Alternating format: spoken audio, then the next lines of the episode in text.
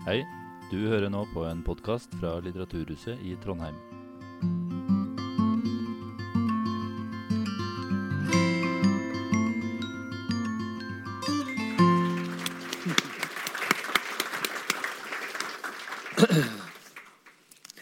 Ja, velkommen til denne kvelden da med Per Petterson under den lett flyktige tittel 'Rapport fra en urolig sjel'.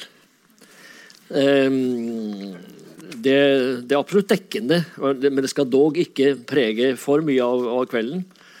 Men som eh, du sa, så er det altså en, en Den kvelden her er en av mange i serien 'Grenser'. Og jeg skal bare si kort hva de har i vente utover våren her. Også for å få dere tilbake hit. Dag Hesten i neste uke om boka åt liv. Fenomenet liv. Eh, deretter, ja det og, Just, og Jostein Gaarder var i forrige uke, og dermed så blir det en kontinuitet ikke sant, altså med, med, Per som mellomledd, men altså fram til Dag Hessen med, med liv. Her, her, blir det liv. Det det er. Og så får vi Sverre Loddgaard. Selvsagt må vi ha noe om Ukraina. Ukraina, bakgrunn og framtidsutsikter. Og han vil være i stand til å tilpasse sin, sitt foredrag avhengig av sånn som det går. Og nå håper vi det beste.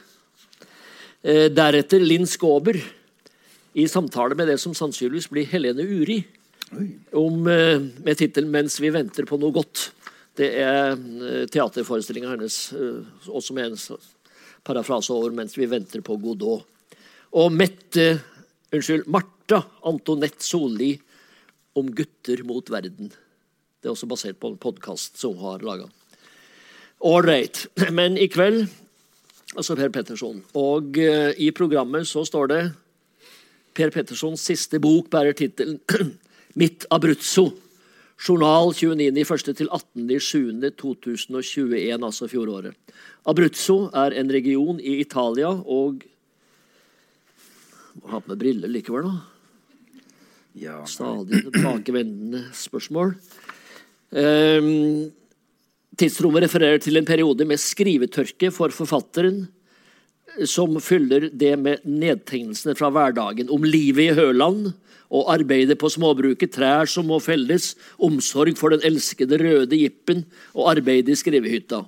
Men beretningen strekker seg langt utover det trivielle. Petterson har alltid noe å fortelle om livet i seg selv, slik også denne gangen, når han vever inn tanker om barndom og oppvekst, nærhet og vennskap, sårbarhet og trass, muligheter og avmakt, forsoning med seg selv og andre. Per Petterson er en av våre mest leste forfattere, det vet de. Både inn- og utland. Særlig er han kjent for bøkene om Arvid Jansen, som vi snakka grundig om forrige gangen Per var her. Og aller mest for Mest ut og stjele hester, som også resulterte i en prisbelønt film, tildelt Amandaprisen i 2019. Han er oversatt til over 50 språk og blitt tildelt en rekke litterære priser, som Brageprisen, Nordisk råds litteraturpris, Bokhandlerprisen og flere internasjonale priser. Det forklarer seg. Det holder fint. Ja, Så da, da går vi i gang.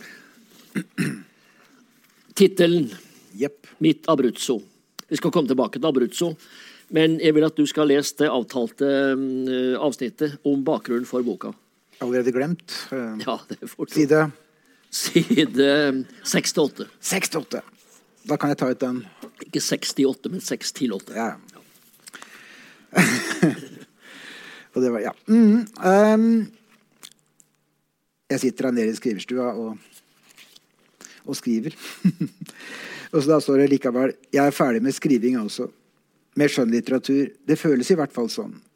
Når jeg kommer ned langs stien ned gjennom den japanske skogen hit til skrivehytta tidlig om morgenen og setter meg foran skjermen, da skjer det ingenting. Det er ikke skrivesperre, ikke som jeg hadde da jeg prøvde å gjøre ferdig menn i min situasjon. Det var jo et helvete. Jeg var i Ørska. Jeg fortalte det til alle. Hør på meg, se på meg, enten de ville eller ikke. Jeg har det vondt, sa jeg. Livet mitt brenner ned, sa jeg og var på gråten. Og det er sant. Jeg kunne ikke la være. To år ble borte på den måten. Jeg husker ingenting av dem. Hva jeg gjorde. Andre husker det heldigvis. Og når jeg først skrev, skrev jeg veldig sakte. Og da gikk det seks år. Petterson tar seg god tid med bøkene sine, men så blir det altså bra, sa Leif Ekle på P2. Takk, Leif. Men jeg tok meg ikke god tid. Jeg mista to år av livet mitt. Nå er det ingen blodtåke, ingen distraherende adrenalinpumpe som dunker rett inne bak trommehinna om dagen, om natta særlig, men heller en slags trøtthet, oppgitthet. Jeg har gitt ut ti bøker på litt over 30 år. 11 nå. Det er mye mindre hva de fleste forfattere jeg kjenner, har gitt ut. Tenk på Dag Solstad, Tove Nilsen, som er like gammel som meg, Rune Kristiansen, og ja. Tenk på Saabye Christensen. Til og med Kjell Askelsen, den seigeste av norske forfattere, har gitt ut flere. Jeg spurte han en gang, det er mange år siden, og jeg sa 'Kjell, skriver du?' Han tenkte seg om ei stund. Til slutt sa han 'Jeg tror det'. For han var det ei veldig tynn hinne mellom det å skrive og det å ikke skrive. Sånn er det ikke for meg. Når jeg ikke skriver, da skriver jeg ikke i det hele tatt. Det er ikke til å ta feil av. Men jeg kan ikke klage. Det ville vært dumt. Jeg har fått til det jeg drømte om som ungdom. Jeg har skrevet bøker og fått dem utgitt, og det har til tider gitt meg en voldsom glede. Ja, et rush over å få det til. At mye har skjedd utover det, priser og oversettelser til alle mulige språk over 50-tallet, har gjort meg til en relativt kjent forfatter, men det har aldri vært noe mål. Virkelig ikke.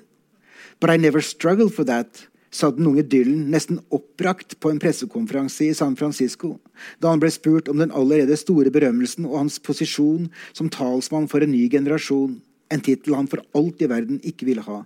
I never struggled for that. Uten sammenligning for øvrig. Det bare slo meg da jeg så den pressekonferansen om igjen på YouTube, at han sa det så tydelig, innstendig, og ikke ble hørt. De ville ikke høre. Jeg kommer fortsatt til å kalle det som skjedde meg i 2003, 2007, 2008 osv. a freak accident når noen spør, fordi det er min oppfatning. Med det samme forfatterskapet, gitt så vidt andre omstendigheter, en liten forskyvning i tid kanskje, kunne det likså godt ikke ha skjedd. Og et forfatterskap skjer jo ikke. Uans, uansett er alt som har med det å gjøre, på hell nå. Jeg ser ingen fortsettelse langs den linja. Faktisk ser jeg ingen fortsettelse i det hele tatt. Det har vært litt vanskelig. Det begynte lenge før koronaen, egentlig fra jeg var 14 år og videre, i lang, lang tid. Da opp ble til langt ned hver gang adrenalinet rant ut. Så nå skriver jeg dette, ingenting annet. Jeg har aldri skrevet noen journal før, bortsett fra ei dagbok jeg prøvde å føre da jeg var 18 av nød da også. Det var ei svart notatbok med mjuk perm jeg forestilte meg var maken til den Hemingway brukte i Paris på 20-tallet, da han satt på kafeen og skrev. Jeg hadde lest A Movable Feast. Det var en atmosfære i den boka som var helt ny for meg, som et rom du kunne gå inn i, være i og ikke ville ut av. Det var der jeg skulle stoppe. Yes. Hvis du nå antyder at det her liksom er den siste, så kommer jeg til å tenke på Kjell Bekkelund. Han hadde jo avskjedskonsert hvert år en periode. Og Dag Solstad har jo for lengst postulert at det var siste bok. Iallfall ti bøker, ti bøker tilbake. Ja, 1999 med ja. T. Singer. ja, akkurat. jo, man kaller resten bonus. Ja, jo, men det er en annen ting. Ja, han mente det. Ja, Men du har mye bonus vet du, å gå på her. Ja, jeg er eldre nå. Altså. Eh, den boka her handler jo om, om veldig mye om, om det sjøl. Altså. vi kommer veldig tett innpå her om hverdagen, personlig bakgrunn og uroen i sjela. Og vi skal ta det her i tur og orden. Altså først om hverdagen og gården.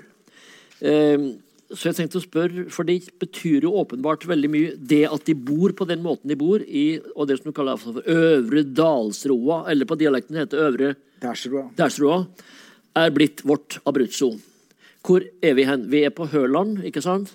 Ja, Abruzzo er jo Italia, som du sa. Kan du forklare hvorfor den tittelen? Ja, nei, altså, det har, altså, Dette er jo ikke noe koronajournal overhodet. Det er bare en omstendighet, kan du si. Uh, men uh, jeg har jo lest som det står i boka, også Natalia Ginsburg, italiensk forfatterdame, som uh, debuterte før uh, annen verdenskrig, men skrev det meste etter. Og, men under fascismen så ble jo da folk, før de begynte å kappe hodet av folk, så ble de sendt i eksil, altså et indre eksil i Italia. da. De ble sendt til uh, fattige deler av Italia, til en landsby, og fikk ikke lov til å forlate den. Og hun og familien ble sendt til Abruzzo, en veldig veldig fattig liten landsby der. Og de fikk ikke lov til å forlate den. Og da tenkte jeg en gang hvor det var veldig trangt i livet og i koronaens, at uh, denne dalen som vi bor i her, den har jo blitt vårt Abruzzo. Mm -hmm. Vi kommer jo ikke ut. Nei. Så, så derfor det bare rant inn. Og da kom jeg på at det måtte jo være Det er kanskje en slags landflyktighet i et litt større perspektiv også. Altså det at det er et godt sted å være, og at det er fjernt ifra en del andre ting her i verden. Det kan du si. Det- jeg tror, det jeg tror jeg er bedre enn Abruzzo, i hvert fall. Ja, ja. faktisk. Ja, nei, Det er et veldig fint sted å være, men uh, man vil jo gjerne ha se folk, da. Eh, og det gjorde vi jo ikke i noe særlig stor grad. Men du selger dyr, da. Folket, ja? Men det var liksom mer på det hva skal vi kalle det, det indre plan. ja det indre plan. Ja. Indre plan. Uh, ja. Jeg har bodd der i 28 år. Ja. På denne gården, og der sier jeg det uten at du behøver å svare på det, men Pia er vel på en måte gårdbrukeren og, og vaktmesteren? ja, vi har en liten arbeidsdeling der. Ja, ja, ja. ja. Nei, vi behøver ikke si noe mer om det. Men uh, vi kan komme tilbake til, til gården i, i, veldig her. Eh, men altså gården og omgivelsene betyr veldig mye for det, annet det å gå turen i åsen, der du altså sier her at det er bra for meg å være der. Puster bedre, denne åsen. Jo, det har jo noe med hvordan det ser ut der. Du vet, Granskau er jo granskau, og furuskau er noe annet. Og Furene står ikke så tett som grana. Og den står gjerne der hvor det er berg. Ikke sant? Og, eh, og ofte så er det veldig mye regnlav oppå der, og det, er altså, det har en slags renhet i fargene, da. Litt sånn uh, pent grått. Klare konturer. Og det er bra for meg, som er en urolig sjel. Da kan, jeg, da kan jeg legge meg tilbake og lyngen og tenke sånn Dette var faen meg deilig, altså. Men eh, når jeg kommer i granskogen, så blir det straks verre. Det der, var en, en, det der fikk du mer ut av enn det jeg trodde, altså.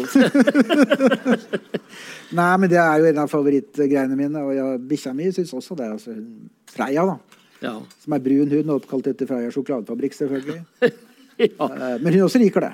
Ja. Og vi er der, og så hvis jeg setter meg der og legger meg litt ned, så kommer hun også og legger seg ned. ja. Så da har vi det fint. Jeg kommer tilbake til Freia også. Det er mange dyr her med navns nevnelse.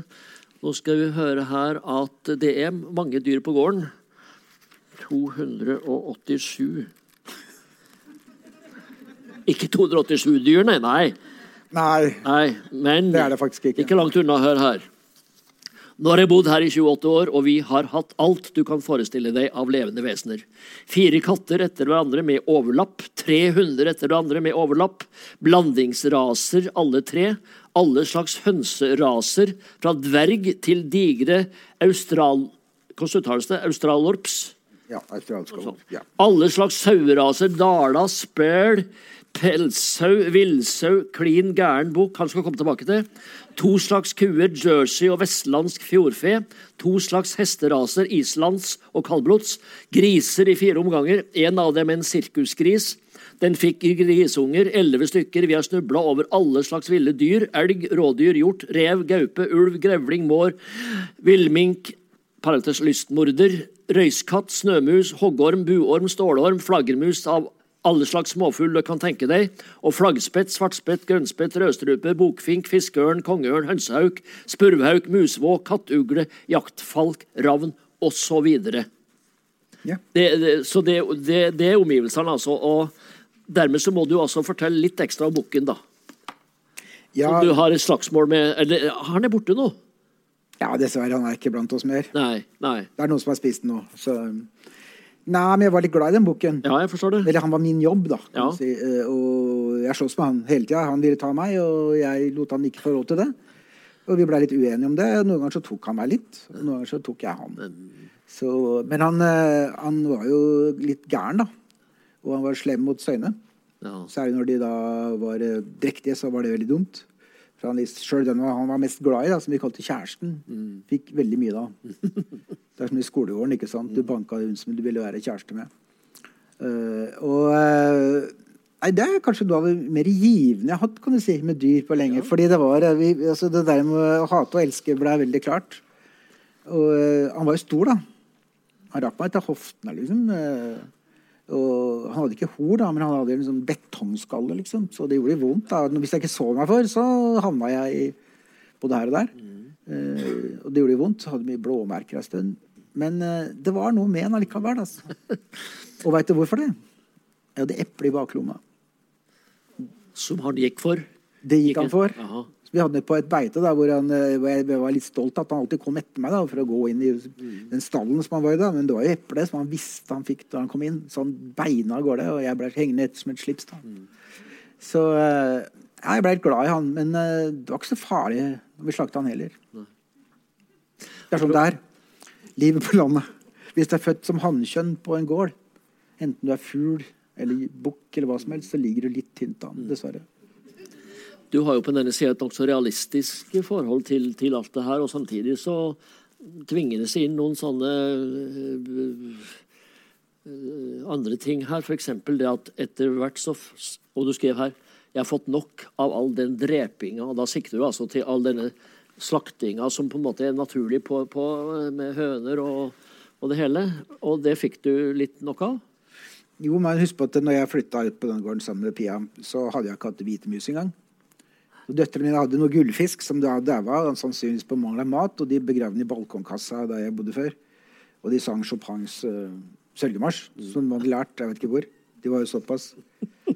Så det sto navn på korset. Ja, ikke sant? Men det var det nærmeste vi kom dyr da, fra før. Eh, Så når jeg flytta ut dit, så var jeg jo ikke helt forberedt, da, kan du si. Så, og vi fikk jo lam da ganske fort, sånn at de skulle jo ikke gå der til de ble gamle, så de ble slakta. Eh, og da tenkte jeg det at ja, det må jo til. Det har jeg skjønt. Og så venter jeg meg litt til det, og så plutselig en dag så kjenner du at du har det der. Men det gikk jo 25 år, da. Eh, og så har jeg måttet bite litt i gresset når det gjelder det. Men det er klart at eh, altså første gang, etter første gangen så, så drømte jeg veldig hardt. Da drømte jeg at jeg var på AKPs eh, landsmøte i Klingeberg Kina, viste det seg. Det er ikke så Bernt Hagtvedt som det høres ut. eh, men, eh, men eh, det var nå det, da. Og så gikk jeg ut med en machete da, vet du, og kappa huet av folk. Og så kom det noen løpende og sa 'Hva er det du driver med?' 'Det må til. Det må til', sa jeg. Det var ikke så antikommunistisk, men jeg var liksom eh, Jeg skjønte at de kom, da. Men jeg gjorde det likevel. Så det måtte til. Så, men det løya seg da, etter hvert. Det var ikke så mye AKP til det. Du har også, og til slutt da under avsnittet om hverdagen i gården, så har du, og det syns jeg er forhåpningsfullt, at du har citat, noen dyrehistorier som ligger og venter. Ja, jeg har det. øh, For det er, altså, et par av dem kom inn i boka. men Det var fordi Husk på det her. At dette er en journal. Alt som står der, er sant. Og hvis det ikke er sant, så er det fordi jeg tror det er sant. Ja, ja. Og hvis jeg finner ut at det ikke var sant, så skal jeg ikke gå tilbake og rette det, for jeg trodde jo at det var sant. Så da må jeg rette meg sjøl der hvor jeg er, når jeg skjønner at det var, ikke var riktig. Så broren min, blant annet, som er en viktig figur i boka, han sier sånn, men Per, det var ikke sånn det var. Var det ikke det, liksom? Nei, det var sånn, sier han da. Å ja, var det det? Og det, det interessante er at det går fra bagateller til innmari viktige ting, da. For eksempel da en bror av meg døde da, i eh, 1983, Odd, som var fire år yngre enn meg. Han hadde sånn aneurisme da, innenfor her, og som sprakk. da. Uh, og da var jeg hos han kvelden før. Og vi snakket, jeg forestilte meg at vi snakka om Bob Dylan, men kan jo ikke ha gjort det. For han hadde jo veldig vondt, og han skulle opereres dagen etter. Eller to dager etter. Eller var det dagen etter? Og så satt jeg og snakka med han, og så dro jeg, og så, og så sprakk denne den natta. Så han gikk i koma, da. Eh, og så husker jeg jeg nå på sjukehuset da, med respirator, så var jeg der og, og besøkte, besøkte han. Feil, men vi var samla der, da. Og så snakker jeg med broren min. Dette har jeg, har jeg fortalt mange. At det var sånn det var. Og så sier brutter'n det var ikke sånn det var. Han døde ikke, da. Han døde to dager etterpå. Og han skulle ikke opereres før etter det igjen. Liksom Hva? Eh, og han fortalte meg detaljer hvis du, er, hvis du var forfatter, da, og dette skulle være en roman. Ja. Så var det mye mer dramatisk, da, uten at jeg går langt inn på det. Altså, det var mer romanstoff, da, kan du si. ikke sant? Så hvis jeg hadde skrevet en roman, så er det jo ingen som hadde visst hva som skulle ha skjedd. Så det brukte noen andre. Ja.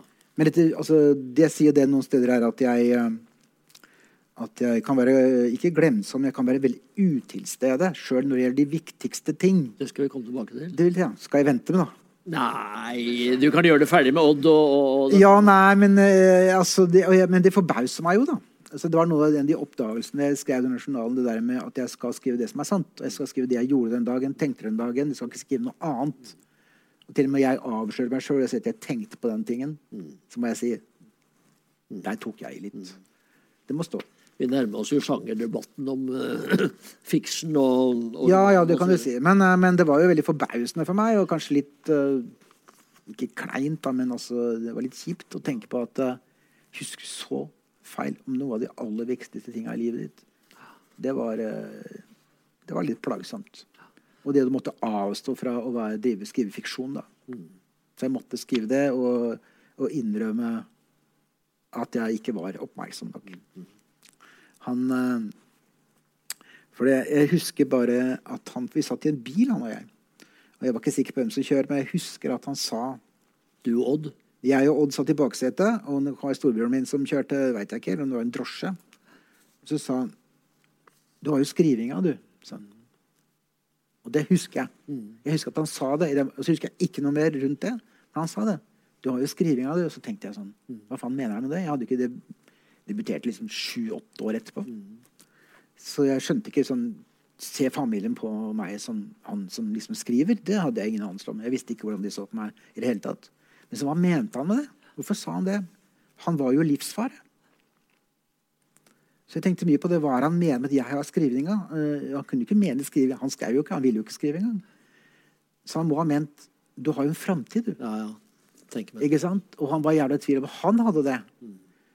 Det var derfor han sa det. Og det men det minnet klarte jeg da ikke altså Det har alltid fulgt meg, det minnet. Altså jeg kommer på det. Du har jo skrivinga, du.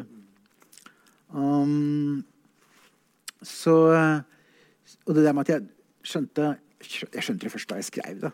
At han må ha ment Nå du du har ja, skal, det er mange ting som har vært sånn her. skjønner du. At han må ha ment framtida mi. At jeg kanskje var en som kom til å skrive da, og publisere. da. Mens han, han, var jo nettopp Han hadde akkurat fått fagbrev eh, som litograf altså på en avis eller en ukeblad.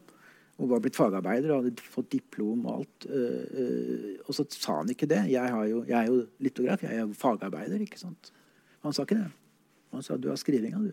Så, på en fin måte. Ja, ja du, du gjør en del ut av det der med hensyn til din egen gryende bevissthet som forfatter òg. Ja, det kan jeg godt si. Uh, um, men du veit, jeg kommer jo fra arbeiderklassen da, og jeg kommer fra Veitvet, som er en relativt kjent uh, drabantby i Oslo. Og den første sammen med Lambertseter, det er en del krangling der. Uh, vi slåss mot den Lambertseter-gjengen, vet du. Mm. Men, uh, men det blei jo forventa av dem som var bitte litt glupe i den veien jeg bodde i, da, at de skulle gå på gymnaset og så videre, da. Og jeg og Brutter'n gikk på gymnaset med storebroren min. Etterpå så skjønte jeg at jeg var den eneste i den klassen som fikk sånn stipend for å gå på gymnaset. Det var ingen som sa til meg. Jeg visste ikke det. Uh, men jeg hadde jo ikke lyst på den klassereisen.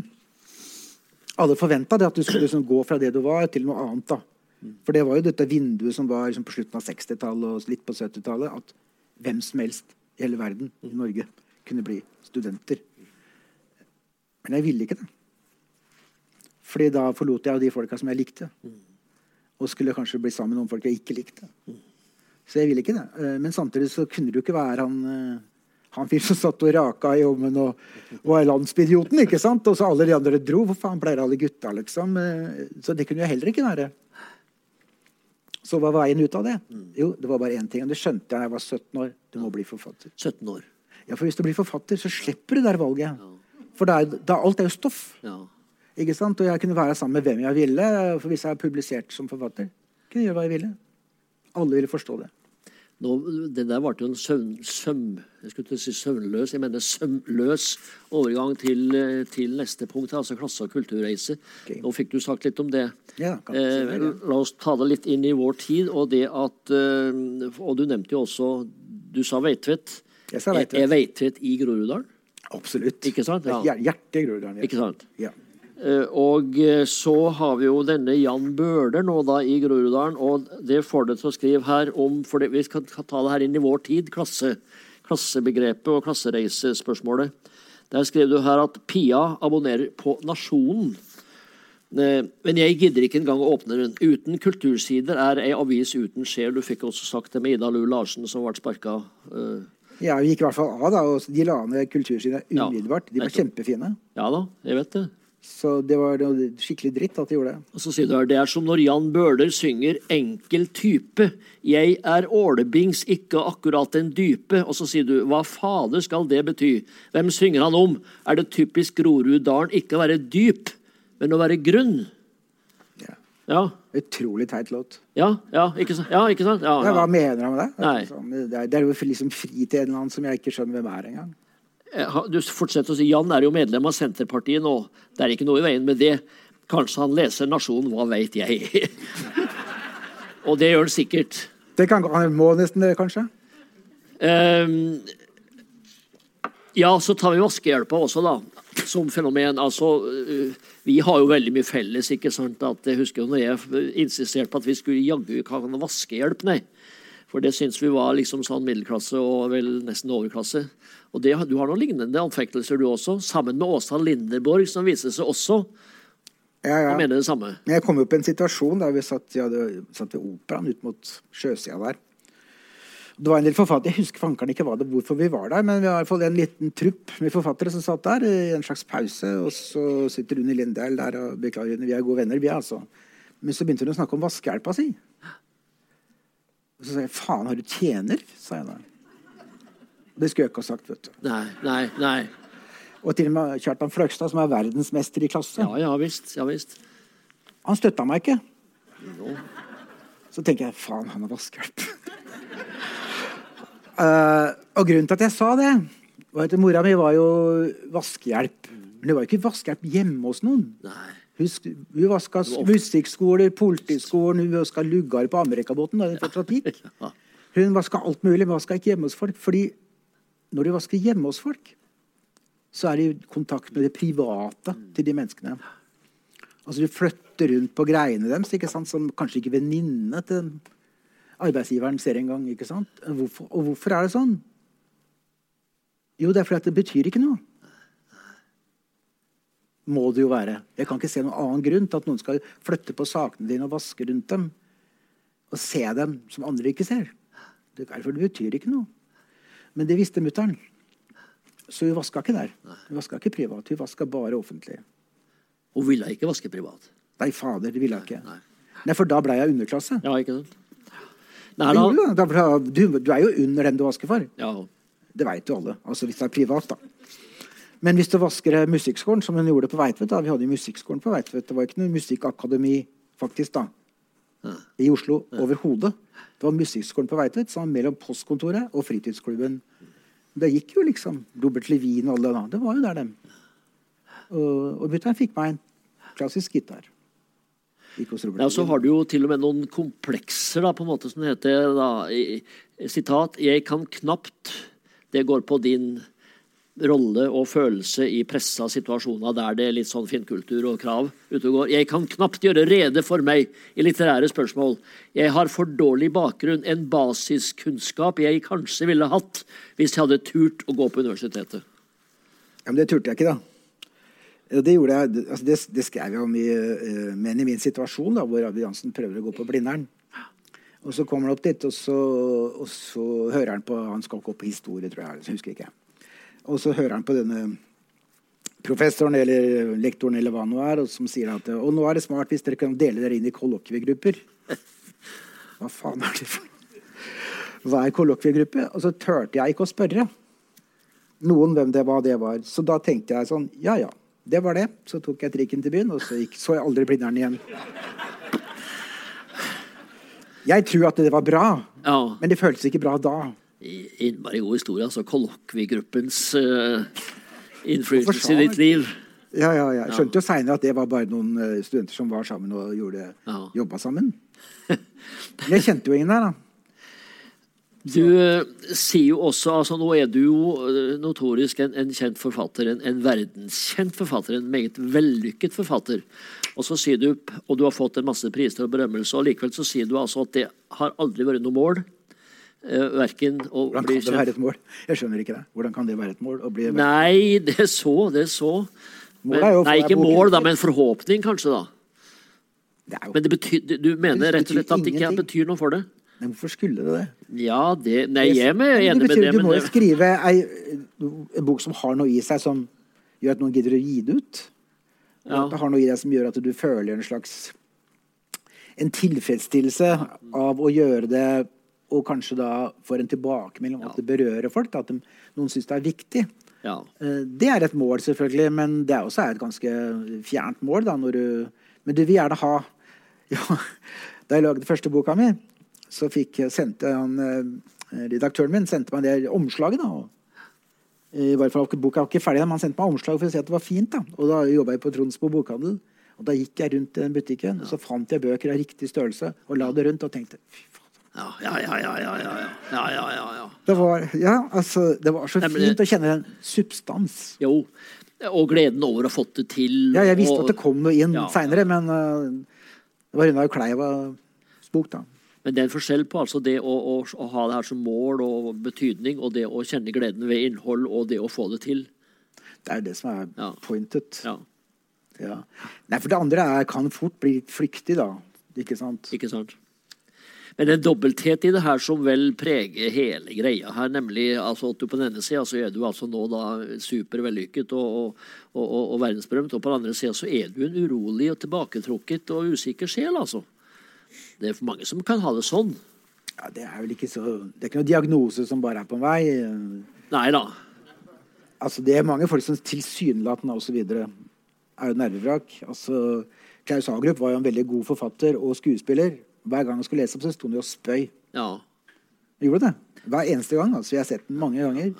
Sto og kasta opp, og så gikk han på, og så snakka han time uten manus. ja. Det gjør ikke jeg, altså. Jo, det gjør du jo. Nesten det nå. Du avbryter meg tiden.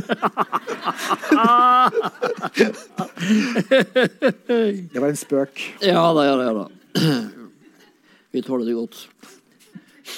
Eh, vi skal over til uroen i sjela, da. For det er jo et, et, et stort tema. Og vi skal også komme litt tilbake til det som du antyda her nå, da, det med prestasjonsangsten og forholdet mellom forskjellige sider ved det her å lykkes. og hva det nå måtte være. Men eh, du sier f.eks. det at du var et nervøst barn og er en nervøs eldre mann. Du sier til og med at jeg må ofte ha med en dram eller noe annet beroligende. Og så sier du sitat, 'den til tider helt ville helvetes rastløsheten'. Så jeg vil gjerne høre litt mer om den siste her. Nei, altså, det er bare det er. Det virker Altså, kjent. det gjør det, ja? Ja. ja. Nei, jeg har en stor rastløshet i meg, eh, og som blir bare liksom verre og verre utover dagen. Jeg vet ikke hva jeg skal gjøre av kroppen min. Jeg klarer ikke å sitte stille og lese i en sofa, f.eks. Jeg kan nesten ikke lese noen steder. Det beste er å stå ved kjøkkenbenken og lese. For hvis du setter deg ned i en stor, sånn god lenestol, da, som er sånn god leselenestolen, liksom, det kan jeg ikke. Da får jeg panikk. Fordi det tar jo lang tid å komme opp, da, ikke sant? hvis du skal opp av den, og noen kommer og skal ta deg, f.eks. Eller noe lignende. Du må bare action. Da er det, tar, tar liksom tid, da. Ja, Så, ja. Hvis du sitter på en pinnestol, så går det fortere. Og hvis du står, så er jo det helt topp. Så det er den beste stillinga mi å lese i, da. Men det er jo på kjøkkenet og sånt, der blir de jo opptatt etter hvert, da.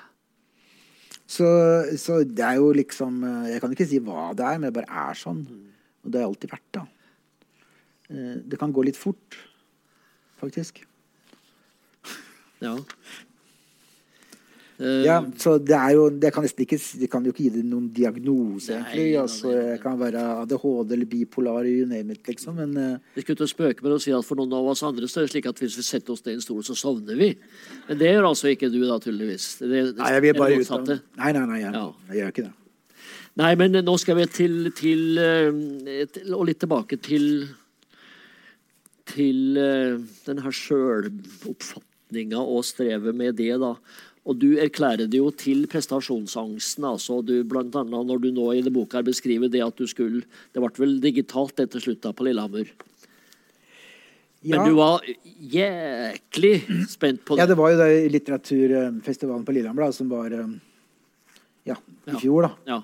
Eh, Den var jo, ble jo digital til slutt, for det meste, da. Ikke hele. Men, og jeg hadde av en eller annen grunn så Jeg håper du kommer snart og gjør de fire tinga du har sagt at du skal gjøre. Og jeg tenkte jeg har jo faen ikke sagt fire ting. Uh, jeg hadde visst det, da. Uh, og jeg jobba liksom, brukte koronaen da, så godt jeg kunne for å slippe unna dette her, da. Men det var én ting igjen da, som jeg eh, skjønte at jeg ikke kunne trekke meg ut av. For det var ikke noen som kunne erstatte det. Og det var at de skulle ha med noe som het nordiske traumer. da, ikke sant? Og så er det Asta Olivia Nordenhoff i Danmark, ganske ung forfatterinne, som var to år eh, i 1990 da Scandinavian Star brant. da. Ja. Og de ville at jeg skulle være med da, og ha en samtale med henne, og det hadde jeg sagt ja til. eh, Og det, det var ikke prestasjonsangst. Det var bare sånn Det vil jeg jo egentlig. Hvorfor sa jeg ja til det, liksom? Eh, fordi jeg følte vel at uh, det var altfor personlig, da. På en måte, ikke sant? Altså, jeg ville ikke ut og snakke om det og blottstille meg på et eller annet vis.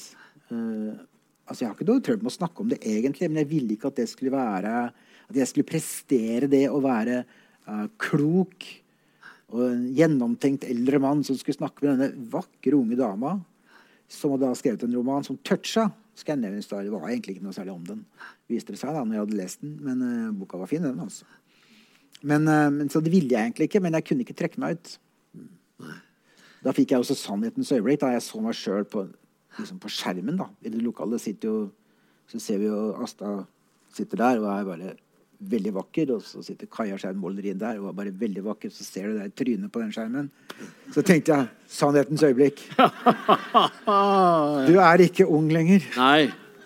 Det er Åsa Lindeborg 2. Nei, ja, men det var jo Men jeg, jeg, jeg ville jo ikke det, da. Men jeg måtte gjøre det. Ja. Og, og denne journalen da, Jeg skal jo da skrive det som opptar meg. Og det begynte å oppta meg mer og mer til jeg liksom ble hysterisk. nesten Ja, da. men det, det er det jeg har notert meg, da. Og jeg tenkte at det handla mer om prestasjonsangst. Men det er altså Nei, det var ikke det. Var ikke der. jeg sitter ikke her for eksempel, nå og har veldig prestasjonsangst. Nei, men litt på forhånd. Ja, ja. Det er noe det Ja, det. Det er noe annet. Nei da, vi, skal, vi må spøke litt med ting her.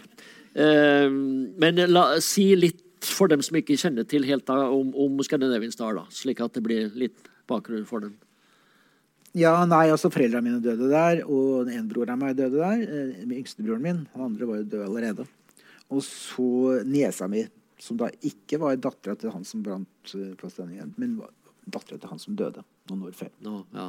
Ja. Så hun som var eksen hans, da, for å si det sånn, hva vi skal kalle det, enka hans, hun, det var jo wipe-out. For de hadde bare det barnet, da.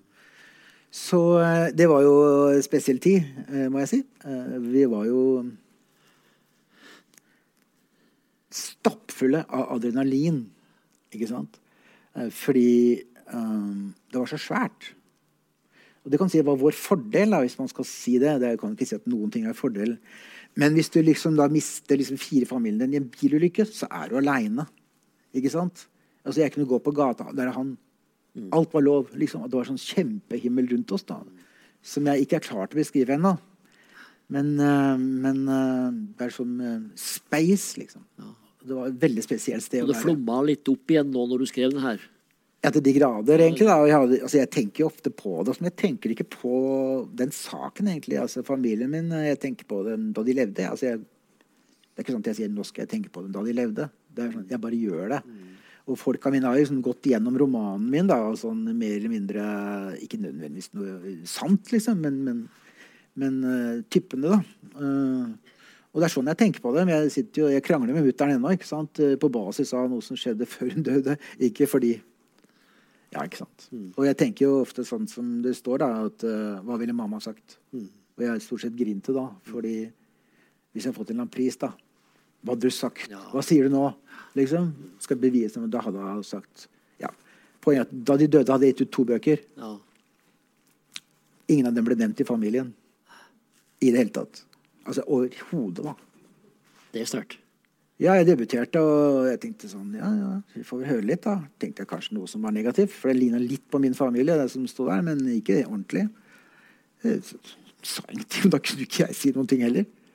Så det ble ikke nevnt. Og sånn var det da med neste bok også. Ekkoland. eh, Det ble ikke nevnt. Og jeg tenkte sånn eh, Hvorfor det?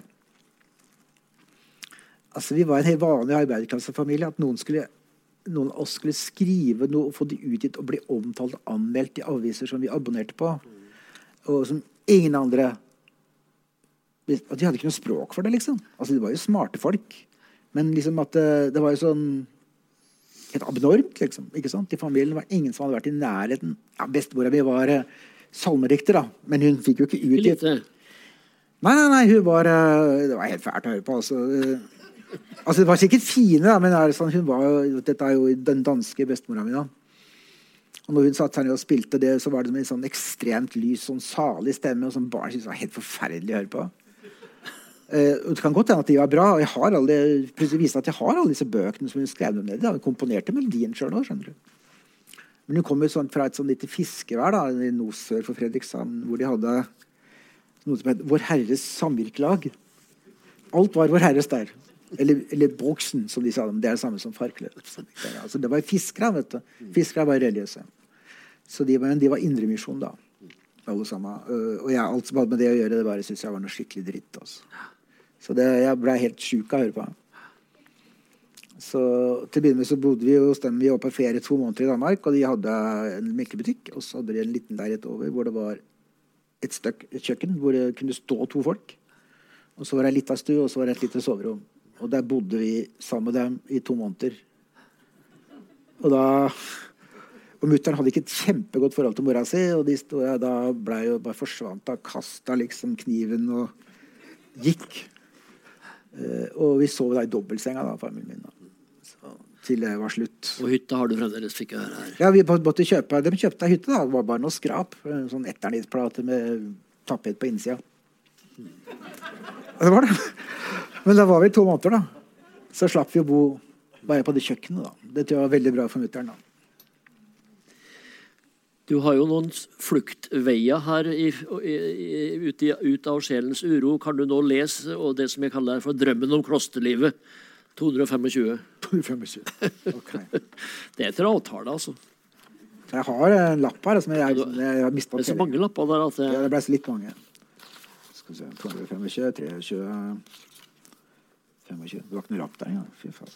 Jeg hadde litt starte med Strindberg. Nettopp. Ja, og så Ja, OK. Det er forskjellige grunner til det, men jeg leser, leser Strindbergs 'Inferno' om igjen. Men det er 40 år siden sist. Den var uventa gripende, så den fullfører jeg. Det er liksom fordi jeg har trøbbel med å lese da, ikke sant? Det blir ingen Strindberg på Lillehammer, og da skjer det som ofte skjer, noe forløsende. Det åpner seg, og da er Strindberg der igjen, for meg.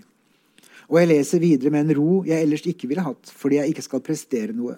Jeg føler meg veldig ferdig med den presteringa. Jeg orker ikke. Det er så mange som spør, og jeg tror jeg har sagt nei til alt, men det har jeg ikke. Det lurer seg alltid inn noen ja. Da kan jeg grue meg så mye at jeg mister balansen og blir dårlig. Flere ganger har jeg vært nødt til å kontakte Falkum, altså en psykiater, da, for å få han til å legge, sjukmelde meg. Et par ganger har jeg bedt han legge meg inn. Når jeg tror jeg skal dø. Jeg veit det er feil, jeg skal ikke dø, men det hjelper ikke. Kan du ikke legge meg inn, sier jeg. Men det er ikke sånn det er lenger. Du kan ikke bare legge deg inn.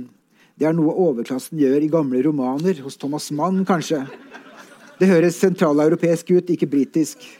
Det fins ikke sånne institusjoner lenger. Hvilehjem, nærmest. Skal du legge deg inn en dag, er det så mange sluser du skal igjennom at du blir sjuk av bare det.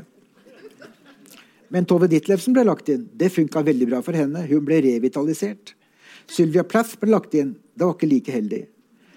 Psykiatrien var ei slagmark i USA på den tida. Terapeutisk, medisinsk. Men jeg har tenkt på kloster. Jeg tuller ikke. Det fins et dominikanerkloster ved Lunden, rett ved Linderud, ikke langt fra Veitvet. Jeg har alltid visst om det, men har aldri vært der, altså inni. Det er et nonnekloster. Jeg ville aldri ha vurdert det hvis det var et munkekloster. Men du kan altså legge deg inn der. Ikke lenge, da. Ei uke? Mer, kanskje? Jeg kjenner to stykker som har gjort det. Den ene har gjort det flere ganger, har hvilt ut der. Hun er katolikk. Den andre er en mann. Jeg tror ikke han er katolikk. Han ville ha fortalt meg det. Men de nonnene er visst veldig ok. Det er ikke lett å forstå eller engang huske hvordan det er når jeg har det sånn at jeg skal dø. Jeg diskuterer testament, ringer jentene mine, sier de må underskrive, men at de skal arve skriverhytta med alle greiene mine, sånn at Mona skal kunne sitte seg ved skrivebordet og se ut av vinduet og se det samme som jeg så hver dag jeg var på jobben, som hun forklarte en gang. Som Marit også vil. Alt i dette rommet. Alle bildene, alle bøkene, alle tingene som jentene kaller pynt. De er installasjoner, forklarer jeg. Men jeg renner over av den. Den tilstanden. Alle merker det. Skal vi kjøre til Eidsvoll som planlagt, eller skal jeg ringe 113, sier Pia. Jeg snakker med Ingrid på forlaget om forvaltning av forfatterskapet. Hvis det er noe igjen som skal forvaltes. Det er jo ikke sikkert. Men det sitter i. Jeg gløder, og jeg husker ikke etterpå når det slutta, når det glei over, når jeg ble noenlunde normal igjen, når døden trakk seg tilbake. Ja. Det er, det er gøy, det. Det er sterke saker. Um, Ellen, datter Ellen, når hun fikk høre meg, så sa hun refererte til Gunnar Werner, som du vel vet om. Ja. Poet fra Trondheim. Han vurderer å bli birøkter. Som en slags eh, sånn tilsvarende greie. Birøkter er en sånn greie, det. Ja, det er en sånn greie. Men jeg, jeg tenkte å spørre Det må vel være noe kraft i, i denne sjelens uro for forfatterskapet? Jeg tenkte å nevne Karin Johannissons melankoliske rom'. Har vi snakka om den? Nei. Nei. Nei, hun, hun skriver om, om, om denne grunnleggende melankolien som, som vi kan kalle for mange ting, men som altså hun hevder på en måte rår i all, alle forfattere. Alle forfattere er, er, har noe som, eh, som bryter, altså. Og som blir da til, til, til bøker. Føler du det sånn? Ja, det gjør jeg vel. Altså, det er jo motsetning, da. Altså, på den ene sida melankolien, da, og på den andre sida en slags sånn et trøkk, da, som på en måte Ja, ja, er ja, det ja, motsatte. Ja, Ja, egentlig. Ja, det er det nok. eh, Men det er klart, og jeg har jo alltid vært sånn. eh, Men det er jo lettere da jeg var i 30-åra å takle det. Fordi da kan du gjøre mange ting samtidig. Du husker alt. Du har unger, du går på jobben, du prøver å skrive, du leser. Alt mulig da skjer jo helt samtidig, og du har eh, liksom krefter til å bære det. da. Mens når du er sånn som jeg jeg gidder ikke å si hvor gammel jeg er engang, men det er mye. og da har du kanskje ikke de kreftene, da. Og det er kanskje det som gjorde at jeg Altså, jeg begynte jo på en roman, da. Som ligger der og venter i og for seg, da. Som er første kapittel, da. Jeg sender alltid til Klassekampen, og så sier jeg det, det er første kapittel. Så står det første kapittel. Det har jeg gjort flere ganger. Og da har det vært første kapittel, men nå har jeg bare første kapittel ennå, da. Uh, og så fordi jeg kjente at uh, her er det en roman. Det er ingen tvil om det. Og jeg til og med syntes det virket fint også. Men så hadde jeg ikke noen krefter. Jeg klarte ikke Jeg, tro, jeg kommer ikke til å klare å grave opp den og holde på med den i fire år. Kanskje mer. Eh, Da er jo dau, ikke sant? Og så, sånn tenker jeg da. Er det det siste jeg skal gjøre? Å sitte med den romanen? Ja. Og jo mer jeg tenker det, jo mindre skriver jeg på roman, og jo verre blir det jo da, selvfølgelig. Det er jo sånn helt vanlig ting, da. Så, eh, men, eh, men det som skjedde her, da jeg satte meg ned da, og tenkte sånn Men jeg er jo forfatter. Da hadde jeg ikke gjort en dritt på et år, nesten. Jeg må jo skrive. Jeg er jo, for dette, Hele min identitet som voksen menneske da, i hvert fall, er jo knytta til det å være forfatter. Sjøl, da, jeg ikke- hadde skrevet noen ting, eller gitt ut noen ting, da var det også sånn, for det var min eneste knagg. da. For jeg ikke skulle bli han landsbyidioten da, ikke sant. Så jeg måtte være en som skrev. For hvis jeg slutta med det, ja, hvem var jeg da? Jeg hadde ikke noe annet. Det er fint å være husbond liksom, og gift, det er fint å ha unger, og, men jeg er, ikke, liksom, jeg er ikke bestefar, jeg er forfatter. Og da måtte jeg jo skrive, og så begynte jeg med det her, sånn, og det var jo som jeg sa, det var rein nød. og Det var ikke sånn at jeg tenkte på noen andre som hadde skrevet journal, eller på Knausgård, eller en som du nevnte i stad, som jeg ikke husker hva var. Men jeg måtte bare gjøre det. Og når jeg hadde skrevet en 10-15 sider, så tenkte jeg sånn OK, da gjør jeg dette her, da. Da skriver jeg nesten hver dag og fører opp datoen og sier hva slags vær det er, stort sett. Stort sett jævla kaldt. Og så, men da kommer det plutselig et slags trøkk, da. Som varte noenlunde ut. Nettopp. Uh, og jeg skulle ha den til 18 i 7. Da, i bursdagen min. Da, da fylte jeg eh, ja, 69 år. da. Og det er jo da en stund siden. Nei, men det var- ble altså litteratur, og det er det ingen som er i tvil om. Ja, det er jo roman, men det, det er litteratur. Skikkelig litteratur. Ja, det er mulig. Og det fikk du høre fra forlaget, som Ja, de ville var veldig hipp. Ja, ikke sant? Ja. Så, men var ikke, det var ikke ment som ei bok overhodet. Jeg... I never struggled for that. Nei, men, men jeg gjorde det for min egen skyld. Men så kom jo forlagssjefen min, da, Ingrid mm, Engelstad, hun kom jo alltid sånn Hei, Per, skriver du noe for tida, Per? Nei, jeg gjør ikke det. Nei, nei, nei, det er fint. Det er greit, det òg. Og så, kom jeg, så sa jeg ja, jeg skriver en journal. Mm, jeg tror jeg kan få se på litt. Da hadde jeg kommet liksom over 100 sider, liksom. ikke sant? Og, så fikk han lese det, og da han, å, det var fint. Og så, hvert så begynte hun å Og når hun da sa at kanskje det kan bli en bok, så sa hun det vil jeg ikke tenke på. Jeg, og jeg forandra ikke måte å tenke på og skrive på, sjøl om det da liksom etter hvert de ville at det skulle bli en bok. da. Og jeg skulle slutte den da på bursdagen min. da. Da skulle jeg ikke skrive noe mer. Men det var noen fordeler ved det her som, som du har Det var jo veldig frigjørende. Ja. Det var veldig frigjørende å skrive sånn. Men ja, det må være frigjørende for forfatterskapet ditt, sier hun. Nei, det er ikke det, sier hun. Det var frigjørende for å skrive den journalen. Når jeg la den bort, så var det ikke frigjørende lenger. Det er denne her Ja, det sier jo du gjør sånn, ikke sant? Men, men Det var frigjørende for denne, og det var veldig deilig å ha gjort det. Og man kunne si ja, men kan du ikke bare fortsette å skrive journal? Ja. Nei, fordi den blei så innmari avslutta. Ja. Den komponerte seg. Det var ikke meninga, men den komponerte seg, og det fikk et slags ja, crescendo, da, for å kalle det det. Sånn? Den gikk liksom opp, litt opp i fistel, og så, og så landa den i unnarennet, og da kan du liksom ikke bare gå opp igjen håpe en gang til. Hvis du ikke er en av disse gutta da, som er, veier ti kilo. Vi er spent på hva som blir det neste, da. Det er jeg òg. Ja. Veldig. Eh, jeg, jo, jeg er jo fortsatt en som må skrive eh, for å beholde meg, da. Den jeg er. ja. Så, den, altså, jeg har jo sleit jo hvor mange Det var på 300 sider, den forrige boka. Det tok, jeg skrev jo ikke seks år. ikke sant? Det tok tre år. Men tror du ikke at den skulle bli så stor? Nei, nei. Altså, jeg tenkte jo ikke på det i det hele tatt. Nei, nei, nei. Jeg skrev også 448 sider på et halvt år. Ja, Det er jo verdensrekord. for personlig rekord. Ja, ja, det kan du nok si. Eh, det er mange som skriver fortere. Ja. Ja. Nei, men, eh, men altså, jeg, det gikk seks år før jeg ga ut Altså mellom Jeg nekter å, å mene min situasjon. Han var på 300 sider. Ja. Ikke sant? Og så ja, et halvt år. Uh, men det er, det er ikke lett å gjøre det om igjen. For jeg kan ikke gjøre det om igjen. Nei. Så vi venter spent. Før vi forlater det personlige her, så tenkte jeg skulle ta opp et lite eh, tema som eh, jeg syns er ganske sterkt. Du er egentlig til tider eh, nokså sjølanklagende, og du, du retter det liksom imot en slags sånn unnfallenhet. Jeg tenker på det i forbindelse med begravelsen til Odd. Ja. Og der du anklager deg sjøl for at du ikke fikk rydda opp. Og ellers, ellers også så snakker du om at du er ofte uoppmerksom sjøl i, i, i, i, i, i viktige saker. Jeg har blitt kritisert for det helt opp til i dag, sier du. Så Særlig er det det at du ikke rydda opp i det forbindelse med Og hva handla det om? Og hva følte du Nei, så rydda opp eh, Jeg følte vel at jeg og Odd altså Odd han var fire år yngre enn meg og døde i 1983 da, av denne det som eksploderte i hjernen hans. da, Den røde brann. Um, jo, altså Jeg var veldig glad i han, men jeg hadde ikke så god, tak, god kontakt med han akkurat da. Det er sånn i livet. ikke sant? Brødre de tar hverandre igjen i alder og får mye felles, og så drar den andre fra, og så er det i en annen verden. da. Uh, men da, det var så jævla urettferdig at han skulle dø. Og han hadde, altså, I motsetning til meg og Sten, broren, storebroren min, eh, så hadde masse venner overalt. I to land, liksom. Alle elska han.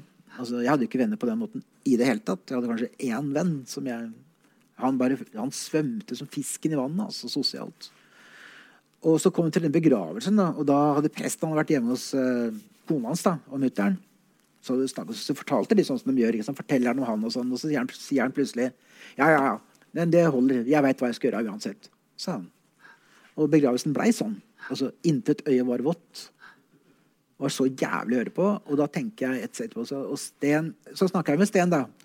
For vi, vi prata sammen uh, helt til halvåret her, så snakka vi mye sammen om, om familien og sånn, da. Og så sier han, og så får han tårer i øya, og så sier han sånn Fy faen, jeg skulle reist meg og sagt 'din kødd'. Odd var ikke sånn. Nei. Og da kjente jeg da, Vi satt der og smågrein da, for noe som 38 år siden. ikke sant? Uh, vi skulle reist oss og sagt 'din kødd'. Og fortalt han hva Odd var da. Ja. Men det gjorde vi ikke. Og Sten, og Sten klandra seg sjøl for det. Altså Han begynte nesten å grine han tenkte på det, fordi jeg skulle ha stoppa den jævelen. Og så kom han på forskjellige ting. da. Eh, Han fortalte om denne, Det fantes en sånn engelsk serie om arbeiderklassen fra Liverpool som heter 'Boys from the Black Stuff'. Og Der er det en sånn scene da, hvor en av gutta dør, og så er det en en begravelse, og så er presten går på autopilot. ikke sant? Og da er det en som reiser seg Sånn og sier sånn Du. Og så sier Sten at da jeg så den, så tenkte jeg faen, det skulle jeg gjort. Ja, ja. Og når han sa det, så tenkte jeg det skulle jeg gjort. Ja. typisk oss. Ja, ja. Altså De fleste gjør jo ikke det. Reiser seg i begravelse i en kjerke og så begynner å skrike til presten. Men så, så tenker jeg, så tenker han også det samme. Hvis vi hadde gjort det, Ja. så hadde Murtan gjort sånn. Ikke sant? Ja, ikke sant? Fatter'n hadde ikke gjort det, for han var mer sjenert. ja, Så, så han hadde ikke gjort det. Men han hadde kanskje syntes at det var litt ålreit allikevel. ja. Ja, men vi gjorde ikke det. Og det har alltid plaga meg. Ja. Og også litt lignende ting, da. Altså Lignende situasjoner hvor noen skulle reise seg opp og sagt det der gidder jeg ikke høre på. i det hele tatt å si ifra? Ja, jeg syns jeg har vært så veldig flink til det. eh, Og, og det har plaga meg. Og det blir, ting som plager deg, blir jo litt litteratur ut av, da, kan man si, hvis du skal se på smørsida. Men, eh, men, det, men eh, de fleste av oss gjør jo ikke de riktige tinga bestandig. Nei da.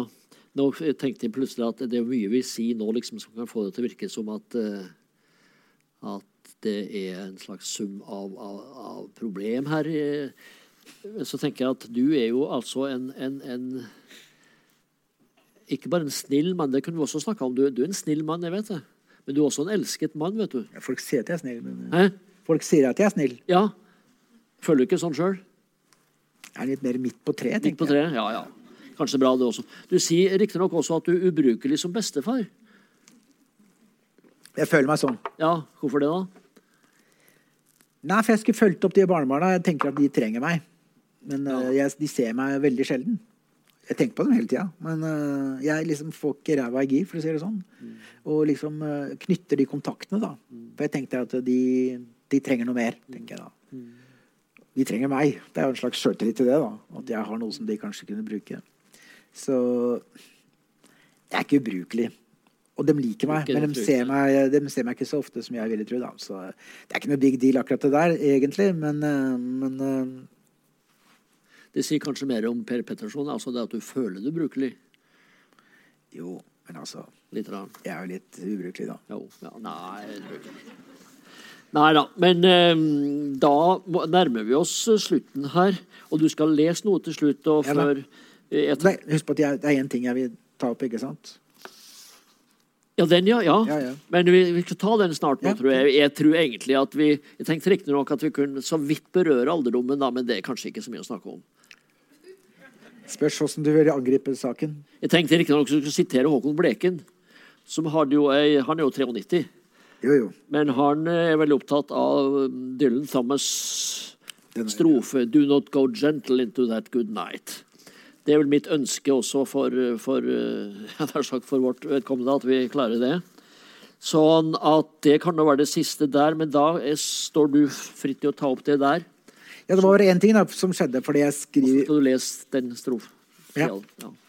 Nei, altså, hva som kan komme ut av en sånn bok, da. Ikke sant? Jeg skriver et sted her at uh, særlig når jeg måker snø, og er sliten og forbanna, og blir bare mer og mer forbanna, og jeg skjeller ut diverse, egentlig, da. Som jeg, alle som har tråkka på meg, og jeg syns har vært nedlatende og sånn. og da, Det er veldig bra for snømåkinga, i og for seg, da. For du får liksom krefter av det. Og da er jeg sinna, og så er jeg snakker blant annet om Vi var jo på leirskole, vet du. Mange som var på Høvringen i Rondane. Mange som har vært det. Eh, Og der var en ganske kjip leder. Han, eh, det er ikke noe vits å gå inn på grunnen, men er jeg var helt uskyldig. Ja, han tok meg da inn på det lederrommet og bare slengte meg i veggen og holdt på sånn. ikke sant? Og så skrev jeg, og det var det, læreren var feig og greip ikke inn eller tok det ikke opp og sa til meg engang at det var gærent. Liksom, ikke sant? Eh, Så han svikta meg, da. For ikke så mye lenge siden så var det en kis, gammel kis innpå på, forlaget som bare vandra rett inn, og han hadde en lapp som han skulle gi til meg. Og de sa ja, men vi kan sende han. Liksom. Ja, det er veldig viktig, sa han da. Hvis jeg leser den opp, så begynner jeg å grine. Men Det er lappen, det der. det er lappen. Eller kopi, da. Og der står det og da Den var så, så, mindre enn den egentlig, og den var i en A4-konvolutt. Så så jævla spesielt ut. Så du så den som gjennom, da. Per Petterson, jeg må bare si dette. Ingen skal oppleve vold og svik slik som du beskriver det i den siste boka di. Så skriver han 'Høvringen', i parentes. Birger Ledang. Jeg kjente veldig godt igjen den der navnet og måten han skriver på. Og jeg beklager. Sånn sist han var 13, da jeg var 13 år, ikke sant? Og da er jeg bare sånn Å, fy faen, jeg er grei. Ja, ja, ja. ja. Det skrev kort en, da. Du må skrive akkurat passe til han føler at det er ålreit. Ja. Men ikke innlede noen dialog som er basert på tull. ikke sant? Så han fikk det kortet. Jeg tror han var glad for det. Så har han fått det liksom office chest. da. Han er jo over 80, ikke sant? så det var jo på tide at han skulle få fred i sjela. Og jeg ble kjempeglad. Jeg var virkelig veldig, veldig glad. Ja, eh, det, er bare, den, eh, den, var- det var litt viktig med å ta opp den. ja flott. For dette, det, det, er jo, det fører til ting, ikke sant? Ja, det, det var, jeg skjønner godt at du gråt. Du snakker jo om det at du er lett, lettrørt. Ja. Du er lettrørt. Jeg tror jeg har et lite eh, eh, eh, lettrørt Skal vi se lett, Lettrørt, lettrørt tatt en datamaskin. Det skulle noe om det du lettrørt over, nemlig, som jeg syns var så fint. Ok. Det var musikk, det var litteratur, det var alt mulig. liksom. Og, og, og det her skjønner du jo veldig godt, at du kan bli rørt over. Ja, ja, ja. Skal jeg finne Men da skal du få lov til å lese de sidene som du sjøl har valgt ut til slutt. Ja, ja. Men hvor er akkurat den energiarmen lakker? Det er din skyld, egentlig. Da. Skal vi se, den der, kanskje. Vi har egentlig forberedt oss veldig grundig, men uh... Hvor faen er den bikkja? Var det den, ja? Ja, det er den bikkja mi. Ja, da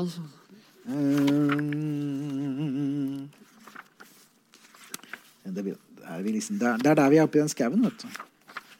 100 og 287, skal vi prøve oss med det? Nei, det er for langt. Nei, dette var tull, altså. Jeg hadde jo lagt igjen noe der. Faen, ass. Freia? Ja, ja. Jo, det er 287. Nei, det er ikke så langt ut. Det er bildet her. Faen, altså. Skal vi se, jeg må bla litt. her, Ja, vi har, vi har øh, Vi skal ha en liten samtale med, med, med dere også, men Her! Jeg fant. Det var en gul lapp. Jeg tok feil. Ja. Jeg skal lese dette her, da. Den er, eh, den er, for den er litt typisk for hvordan denne boka altså, Jeg er jo veldig sånn assosiativ, da. Når jeg sitter sånn og, og dukker opp alt mulig rart, og så forfølger jeg dette da. ikke sant? Jeg lager ikke noen stil her. Eh, så da tar jeg bare fortsetter det jeg tenker. Og så, og så fikk jeg høre Jeg, aldri, jeg leser aldri anmeldelser, da, men jeg fikk høre at jeg var litt skrytete i denne boka. Så tenkte jeg OK. Så da Til det vil jeg jo si at dere skjønner ikke helt hva dere snakker om. Hvordan, hvor abnormt alle disse tingene er for meg, egentlig. Men den ender opp litt skrytete, men den begynner i skauen, da. På søndag var vi oppe i åsen på den andre sida av dalen. Vi kan slippe Freia der, og hun blir euforisk, farer omkring, følger spor, men kommer raskt tilbake for å stemple inn når vi har satt oss. Før hun løper ut igjen. Hun er overlykkelig når vi alle tre er sammen. Opp mot toppen av åsen er det vakkert. Berg, furuskog, grå regnlav. Det har en slags stillhet ved seg, en klarhet over landskapet. Reine streker som har en blyant. Reine farger, dempa. Det er veldig beroligende. Jeg kjenner hvor bra det er for meg å være der. Jeg slutter å tenke for ei stund. Jeg puster bedre. Vi hadde med kakao på termos. Den smaker ekstra godt i høyden. Mellom furustammene kan vi se over til slåttengene våre, beitedrivhuset, men ikke våningshuset som ligger skjult bak et skogholt. For ikke veldig lenge siden var det en kollega som lo av meg fordi jeg sa kakao, og ikke kakao. Noe lignende har ikke skjedd siden 70-tallet. Jeg ble veldig overraska. Mer enn sinna eller såra, og litt satt på plass, jo, en gammel, nesten overgrodd følelse av underlegenhet steg opp igjen. Det var egentlig litt ekkelt. Jeg ringte Sten og spurte hva han pleide å si. Han tenkte seg om og sa jeg har aldri sagt noe annet enn kakao. Han er jo for faen arkitekt og har vanka i de høyere kretser. Har noe ledd av han? Det har jeg også, i de høyere kretser. Jeg har lest for dronninga to ganger. En gang på Lillehammer, en gang i London i 2005. Det hadde med oppløsning av den ydmykende unionen med Sverige å gjøre 100 år tidligere. Hvorfor London, det husker jeg ikke. Flere regjeringsmedlemmer var i byen. Stoltenberg, Støre. Vi var noen forfattere der. Laila Stien, Roy Jacobsen, Trude Marstein og jeg. Beklager hvis det var flere. Jeg har glemt det. Norsk litteratur skulle promoteres i England. Sånn var det. Kristin Brudevold fra Norla var med oss. Outstilling Horses var nett, nettopp kommet ut, og det skulle være Royal Lunch. I et lokale som før hadde vært en nattklubb, fikk jeg høre. Det var flere store, runde bord, det var lavt under taket og mange inviterte gjester. Kulturfolk, presse, BBC. Det var helt fullt. Dronning Sonja skulle være til stede. Mette-Marit var også med. She's here to learn, sa dronninga. Det var i 2005, ikke sant? Vi sto i garderoben og venta på signal og var nøye instruert av ambassaden om etikette. Det hadde vært møte på hotellet. Ikke gå opp ei trapp et, rett etter dronninga. Point taken. Og så kom Doris Lessing inn. Å, fy fader, tenkte jeg. Roy gikk bort til henne, falt på kne og kyssa henne på hånda. Hvem andre kunne ha gjort det? Jeg satt ved det mest rojale bordet. Dronning Sonja rett overfor, gode Kristin Brudevold på min høyre side, Doris Lessing på min venstre. Jeg skulle lese som den eneste oversatte. Jeg satt på do og øvde før frokost på hotellet, og satt på do og øvde rett ute i gangen før vi gikk inn. Det var en jævlig vanskelig setning midt i. There were whisks of mist on the water. Først falt forleggeren min, Christopher Tale. Mikrofonen skrapte, og lyden slo rett ned fra det lave taket, og ingen skjønte noen ting. Men det skjønte ikke han. Så var det dronning Sonja. I think I will do without the microphone. Det var mye bedre, og hun var dyktig. Doris Lessing hviska i øret mitt This is not what was going on here in the 50s and 60s. Det var en nattklubb, ikke sant? To år etter fikk hun nobelprisen. It's too late, sa hun da. Jeg var så nervøs. Kristin holdt meg i hånda og klemte den før jeg reiste meg. Jeg tok en sjanse og sa I will do like my queen and not use the microphone. Jeg leste, og da jeg nærma meg midten, var det som i tango for to. Og så kjem det jeg ikke kan. Men det gikk bra. Nå var det ingen som lo, ifølge Prøysen. There were whisks and mists on the water. Oh yes. Jeg satte meg, og Doris Lessing klappa meg på armen og sa You did good. Men BBC ville snakke. Laila og jeg gikk ut i gangen. Det ble en del politikk. We are for the revolution, sa vi. Laila smilte vakkert. But you are here with the queen, sa mannen fra BBC. We are for the revolution and the queen. We wouldn't say that here, sa han. Vi veit det, sa vi.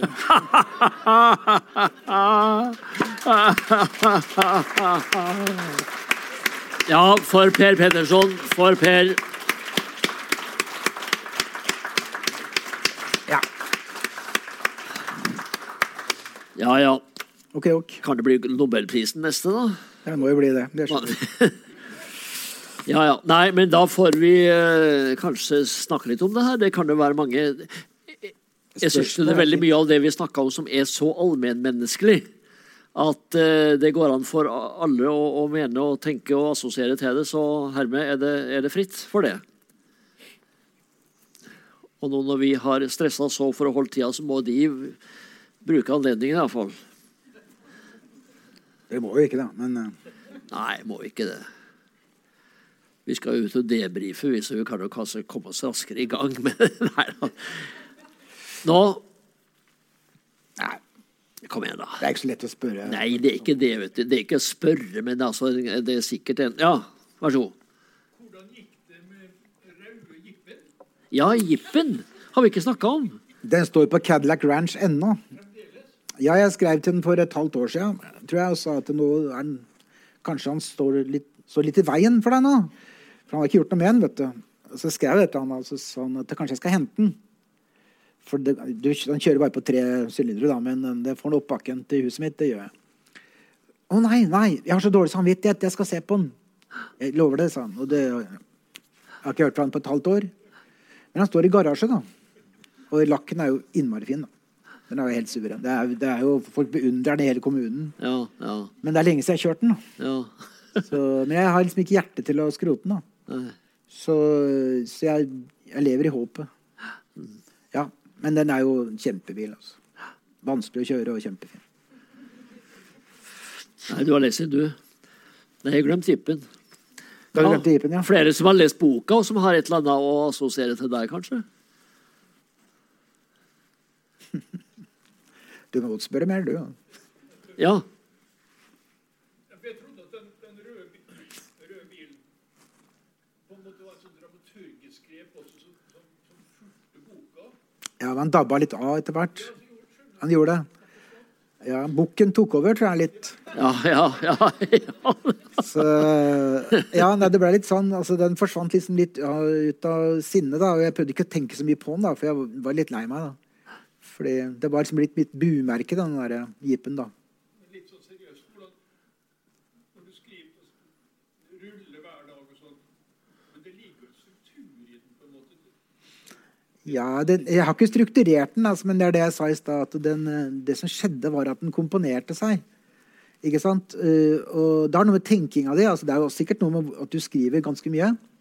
Og så Jeg er jo forfatter, liksom, så der skjer et eller annet. da. Men så var det visse ting da, som kom opp etter hvert, særlig det med Scandinavian Star. For eksempel. det kom liksom plutselig mer og mer opp, da, fordi jeg begynte å bli ganske småhysterisk på dette. Og når den greia med Lillehammer var ferdig, så, så sank det ned igjen. Eh, men så kom det opp mot slutten, da, fordi eh, Som var jo ganske sånn rørende greier, da. eh, fordi det som skjedde, det som skjedde var at den gjengen vet du, som var i kjerka, og som ble forbanna For det sa jeg ikke. Da vi var i kjerka, og vi ikke reiste oss og sa 'din jævel', liksom. Men vennene hans de kom sammen, Det det og de skrev et dikt. Ja, som de sendte, hvor de protesterte mot presten og sa hvem Odd var. da. Jævlig fint dikt. da. Jeg trodde først det var på rim, så fant jeg det i det jeg kaller dødsboksen, da, som jeg har masse sånne greier i. fra den tida. Eh, og der lå det faktisk øverst. Eh, det hadde ikke noe med Odd å gjøre, egentlig. Men den gjengen dem inviterte da til en fest rundt da 1990, da, etter Scandinavian Star. da, og vi, Sten og jeg vi kjente jo ikke dem noe særlig, den gjengen til Odd, som var liksom 30 folk. liksom, ikke sant?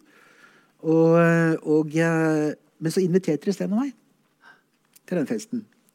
Og vi tenkte som vi orker ikke sånn fest, men så gjorde vi det likevel. da. Og det var en veldig fin fest. Og jeg og Oddi vi gjorde sammen. da, som jeg kom på etter hvert. Vi spilte jo mye gitar sammen. Og så vi sang da mye Bob Dylan og sånn. Så var, vi hadde som par favorittlåter. da, Og så kommer en type da, bort, vi sitter ved sånn bål, da, så kommer det en type bort med gitaren sin. Og så kjente jeg han het Ove. Han hadde gitt oss plate han, som het Ove. Det var den eneste plata. da.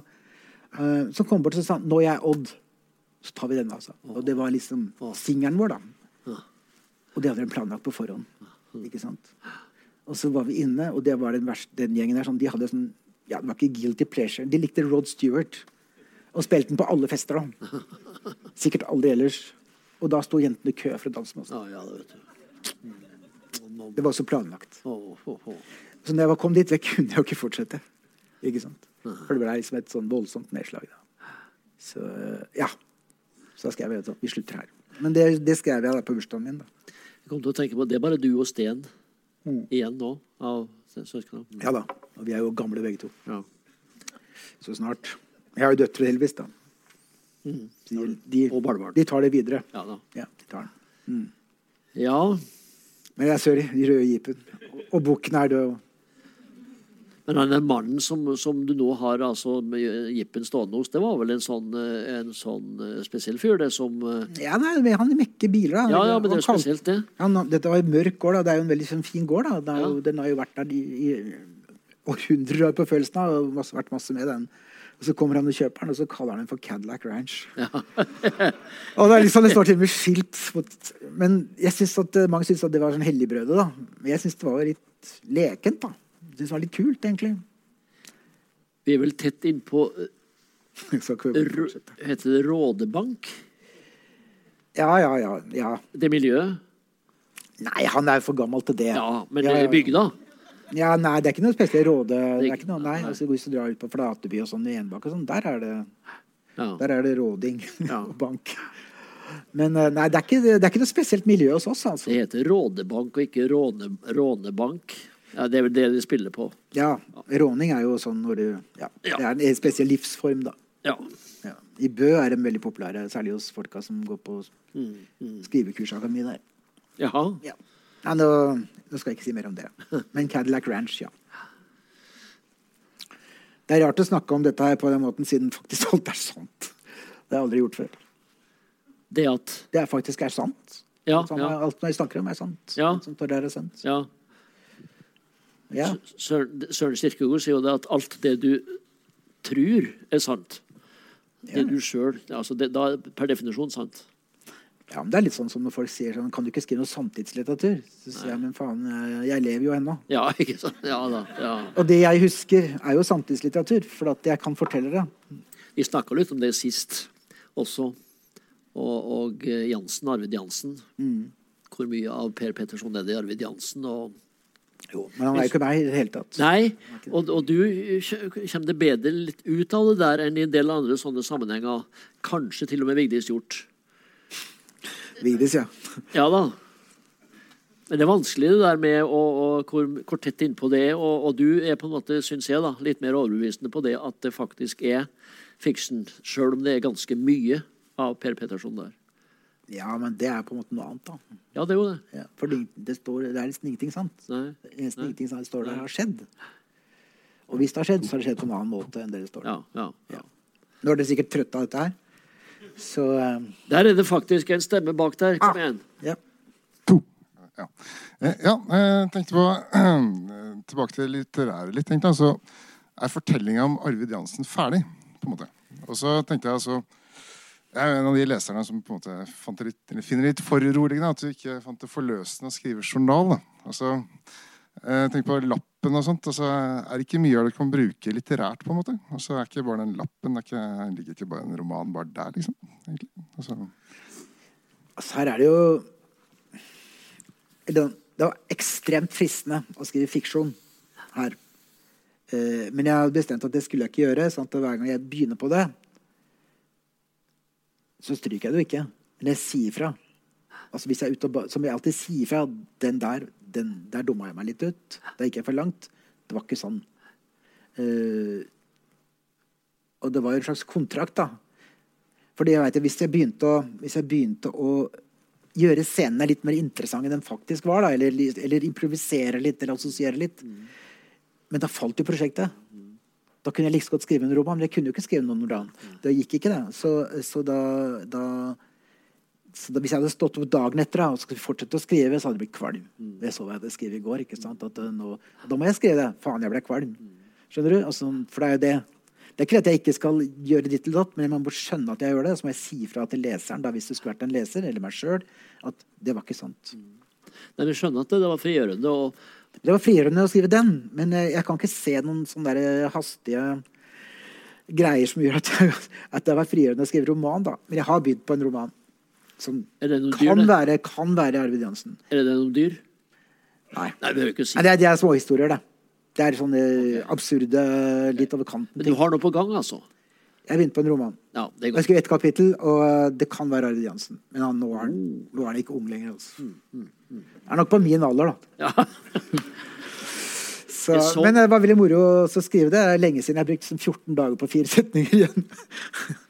Så det var litt gøy, da. Så det var sånn med, med Gunnar Staalesen og hans uh, skikkelse, som blir også stadig vekk eldre sammen med forfatteren. Alltid på samme alder som forfatteren. Ja. Jeg har ikke bare gjort det, da. Mitt, eh, mitt eh, Arvid Jansen- Arvid Jansen har Jansen har fulgt med. Alt- Men, alt- eh, men de andre bøkene Nei, nei, nei. nei. Ute og stjele hester er jo Ja, pure da. fiction. ja. Ja. ja, det er det. Det er letteste boka jeg har skrevet òg, da. Så Det er den letteste boka jeg har skrevet, det er bare kom og kom og kom. Det. Og sånn, ja. I det- den forstand, ja. Lett, Ja, ja, lett det kom lett. Ja. Den kom Det er jo ikke en lett bok, nødvendigvis. Nei, men, eh, nei, men det var ikke noe Hadde ikke noe trøbbel. egentlig. Nei, nei. Så, men det var jo en engangstilfelle, tenker jeg. Ja. Vi får se hva Gud vil. Ja, vær så god.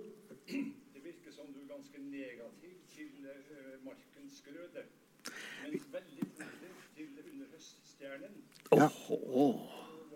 Nå. Nei, det var Jeg vet da fader, jeg. Altså, jeg skriver om det her, selvfølgelig, for det var Ståle Dingstad ikke sant, og hans bok om, eh, om Hamsuns nazisme. Hvilket jeg syns er litt corny, for jeg tror ikke at bøker er jo altså Romaner er jo ikke nazistiske, liksom. Det kan være nazisten som liker å lese sånne bøker. altså Trygve Gulbrandsen og sånn. ikke sant? Han var jo big time i eh, Hitler-Tyskland. Uh, ja, nei, eh, mange jeg kjenner som radikale mennesker syns Marken Skøde var veldig fin. Men det, gjorde, det likte ikke jeg da jeg leste første gangen. Og jeg, jeg synes det var Det fornærmer folk. Det er mange, mange folk, noen, kjempemange folk i Norge som elsker den boka. Og jeg skjønner hvorfor, men jeg syns den var klissen. Jeg likte ikke, jeg likte ikke han kameraten. Uh, ja, jeg likte ikke han. Uh, men hvis du leser Wainer Lind, da, 'Høyt mot nord', og leser om Jussi det, På en måte så er det likt, og så er det ikke likt i det hele tatt. Altså. Eh, det er så innmari fint. Han har en trilogien ikke sant, om Koskela-familien som jeg syns var helt vidunderlig. Med et ekstra sidebind som en ukjent soldat. da. Ja, ja, ja, Eh, så det er, nei, jeg likte ikke den. Mens under høststjernen, ja. Sult. Pan jeg elsker jeg. Uh, men jeg liker de mer gærne bøkene, altså hvor hovedpersonen er helt uberegnelig, egentlig. Det, for det er, men det er jo noe som For han var jo Amsel var jo modernist. altså var en av de første store modernistene. Og det anerkjennes av mange. Ja også til og med av eh, ikke sant, til og med av de jødiske forfatterne. Så, og han var vel antisemitt, men det var ikke noe, var ikke noe poeng for Hamsun å være antisemitt. Han var rasist mot, eh, mot samene og slang dritt. Og det var alle, nesten. Ja, ja, ja. Men han var jo, altså mannen var jo nazist. Mannen var jo nazist. Ja, Ingen kan, er åpenbart nazist. Selv om kona hans var verre, da. ja. Marie hun var jo helt vill. Men ja, nei, det, det Flåse skal man ikke gjøre. Men, men eh. Nei, jeg liker ikke Magnus Grøde. Jeg har, ikke, eh, jeg har lest den én gang for mange, mange, mange år siden, og jeg kommer aldri til å lese den igjen. Men Pan har jeg lest seks ganger, tenker jeg. Det er jo litt fantastisk. Under høststjernen oppdaga jeg det veldig seint og syntes det var wow. Liksom, Men det er jo også så mer altså Det er jo den litt lett aldrende mannen og hans melankoliske Det er jo en annen stemning i den enn i Markens grøde. Ja, Magnus Grøde, den er eh, Jeg vet ikke hvorfor han skrev den. Altså. Nei da. Nei da, men du, du Det kunne han ha spart seg, for å si det sånn, da. du skriver det om Hamsun, og, og er Ja veldig eh, Veldig opptatt av det. Ja, men jeg syns også at du er Du er i stand til å si på en måte Mannen var nazist, men, men han skrev godt. Jo, men ikke sant, tenk på, Jeg snakka med deg om tidligere at eh, jeg er veldig interessert i sovjettida. Altså sånn, ikke i politikken i og for seg, men hva folk, vanlige folk i Sovjet altså de, Det er jo et ekstremt lesende befolkning. Og så forteller jeg da her om, om eh, da de skulle gi ut en nyutgave av Victoria, altså nazisten Hamsun, i Sovjet, som var det landet altså Dette var jo da på slutten av 60-tallet. Altså Det var jo faktisk det landet som hadde mista flest folk i krigen mot nazismen. Og det var, og det var et sånn statlig forlag som ga ut så og så mange. De tenker ikke sånn, den selger mye ved å trykke litt mer. Nei, den skulle gitt så og så mange tusen. Ferdig med det. Og det var kjempekør overalt i Moskva. Da, og da var et reportasjeteam fra Dagsrevyen som kjørte bil og filma langs denne lange, lange, lange, lange rekka. Og det var sikkert i hvert fall 25 igjen av den køen som ikke fikk. Og det var tragedie. Eh, og de var Hamsun-tomme, tenkte jeg da. liksom. Og de alle visste at han var nazist, men de elska forfatterskapet hans. Da tenker jeg sånn, det, Det går an. Da er ting litt mer komplisert. Det, livet, det er komplisert. Ja, og det bør det være for Dingstad også, syns jeg. da. Ja. Og så Ja da. Nei, men eh, da er det kanskje slik at vi har tømt ut kvelden. Er vel det. Og da takker vi Per enda en gang.